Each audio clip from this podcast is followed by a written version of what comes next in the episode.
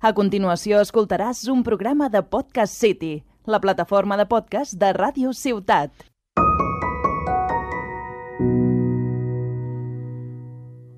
...8 de marzo de 2017, minuto 94. Sergi Roberto convierte el 6 a 1 contra el PSG.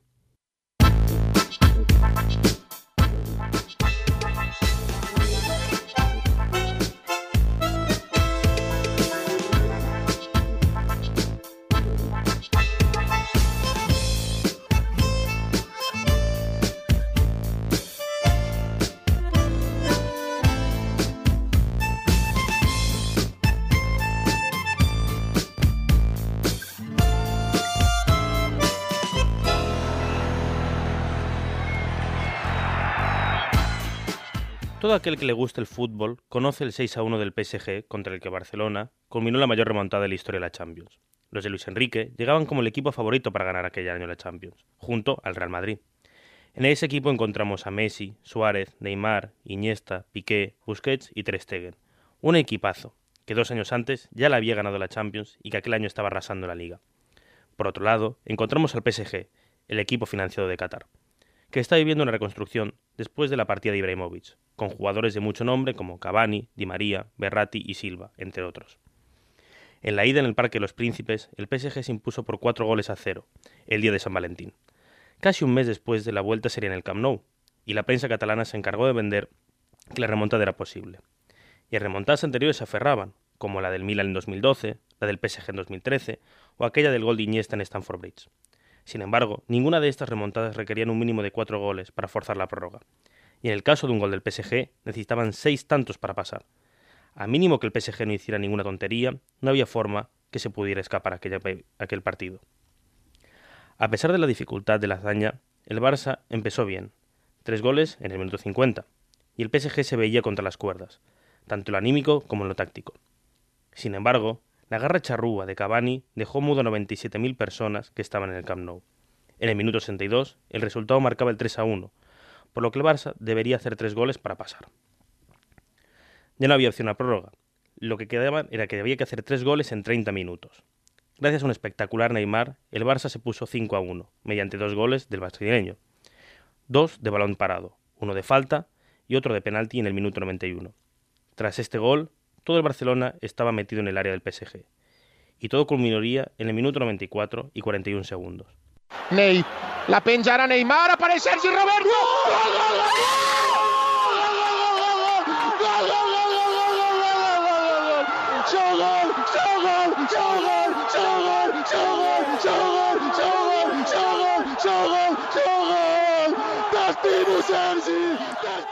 Gracias a un centro de Neymar, que en principio buscaba la cabeza de Piqué, Roberto solo tuvo que empujar el balón, que le cayó justo en la bota derecha, dejando a Kevin Trapp haciendo la estatua. Gracias a Sergi Roberto, el Barça llevó a cabo la mayor remontada de la historia, a pesar del partidazo de Neymar, el gol de Messi de penalti o el de Luis Suárez en el minuto 2. Fue Sergi Roberto el que empujó el balón dentro de la red. Pero, ¿quién es Sergi Roberto?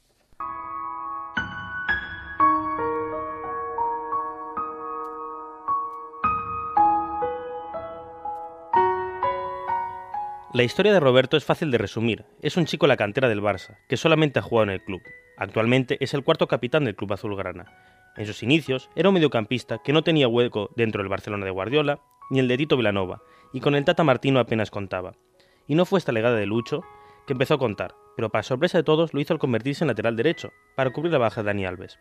En su nueva posición se asentó, y hasta el día de hoy ha sido el lateral más regular con el que ha contado el Barça. No es un dios del fútbol, ni un habilidoso, de sus highlights solamente destacamos una carrera memorable en el, en Bernabéu, que culminó con el gol de Messi, que cerraría un 2 a 3 en el último minuto. El gol contra el PSG no estaba destinado a ser suyo. Debía ser Messi, Neymar o Iniesta como en Stamford Bridge, o a Piqué, a quien fue a quien Neymar le tiró aquel centro. Pero el destino quiso que fuera Roberto quien hiciera aquel gol. En la memoria de todos nos quedará grabado la imagen de Messi abrazándose con todos los culés, con una pose imperial, o también tenemos las portadas de los diarios catalanes, como el Mundo Deportivo o el Sport, que bajo el lema de héroes ponían el abrazo final de todos los jugadores. Roberto no ocupó las portadas de ningún medio, y no se llevó aquel merecimiento que se hubieran tenido el resto, lo que le convierte en el héroe anónimo por antonomasia.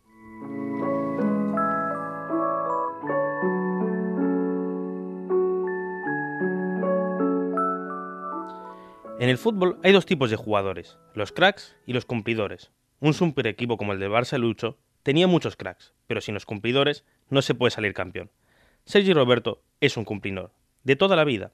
Además, juega en el lateral derecho, que sin lugar a duda es una posición más despreciada en el fútbol, donde más jugadores cumplidores encontramos, ya que nadie quiere ser lateral, y cuya función está absolutamente infravalorada. Pero en efecto, nadie compra un lateral derecho por 70 millones. Sin los cumplidores, no se puede hacer un equipo. Son aquellos jugadores que son regulares, que hacen todo de 6 o 7 de media. No son mega cracks, pero son buenos jugadores, y que en algún momento, como en el caso de Sergi Roberto, rompen los esquemas y se convierten en esos héroes anónimos, que por un segundo opacan a sus compañeros. Son los Sam Ganji de la vida, los Levin Longbottom. Nadie espera que ellos sean los protagonistas, pero aún así cumplen.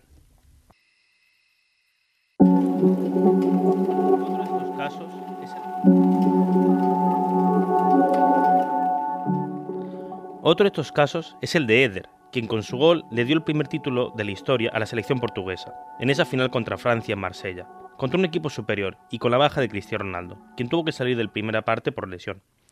Fue Eder quien convertiría el único tanto el encuentro, en la prórroga, con un disparo sacado de la nada y que gracias a un bote enfrente de Hugo Lloris, este convertiría el gol que daría a su país el primer título.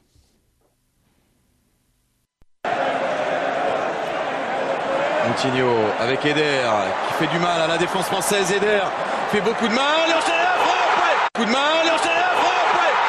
Et il marque, c'est l'ouverture du score. Le Portugal, grâce à Eder, mène à 1-0.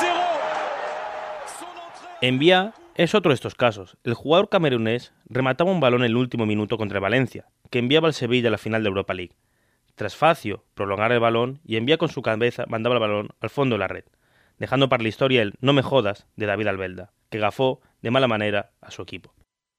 Puede ser la penúltima para el equipo de Unai Emery. Un gol le metería en la final. Balón de Coque, Facio Peina, remate gol. Gol de No me jodas, ¡Gol! coño. ¡Gol! ¡Del Sevilla! No me jodas. ¡Gol! Qué injusto, macho. En el fútbol todo es cíclico, y como un boomerang, todo lo que va, vuelve. Y si contra el PSG Roberto certificó el pase a cuartos con un gol en el último minuto, Costas Malonas haría lo mismo contra el club catalán cuando en el minuto 81 convertiría el 3 a 0 en el Olímpico de Roma, que mandaba a los culés a su casa, el que había sido la mayor sorpresa de la década en la Champions.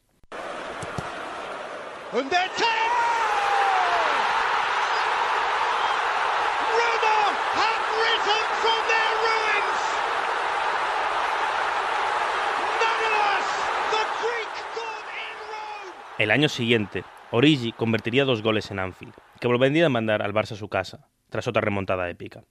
Y no nos alejamos del bueno de Divock, quien en la final de esa misma Champions volvería a gritar gol, convirtiendo el 2 a 0 definitivo contra el Tottenham, dando así la sexta Champions al equipo inglés. ¿Qué es de la vida sin los héroes anónimos? Nos dan todo y muchas veces no los conocemos. Y en el fútbol pasa exactamente lo mismo. Y da mucho gusto que pase de vez en cuando, sobre todo cuando es justo en el centro del foco futbolístico. Para acabar, me gustaría que pensarais por un segundo qué hubiera pasado si en vez de Iniesta, el gol que le daba el Mundial a España lo hubiera hecho Capdevila. Barça 6, PSG 1. Has escoltat un programa de Podcast City, la plataforma de podcast de Ràdio Ciutat.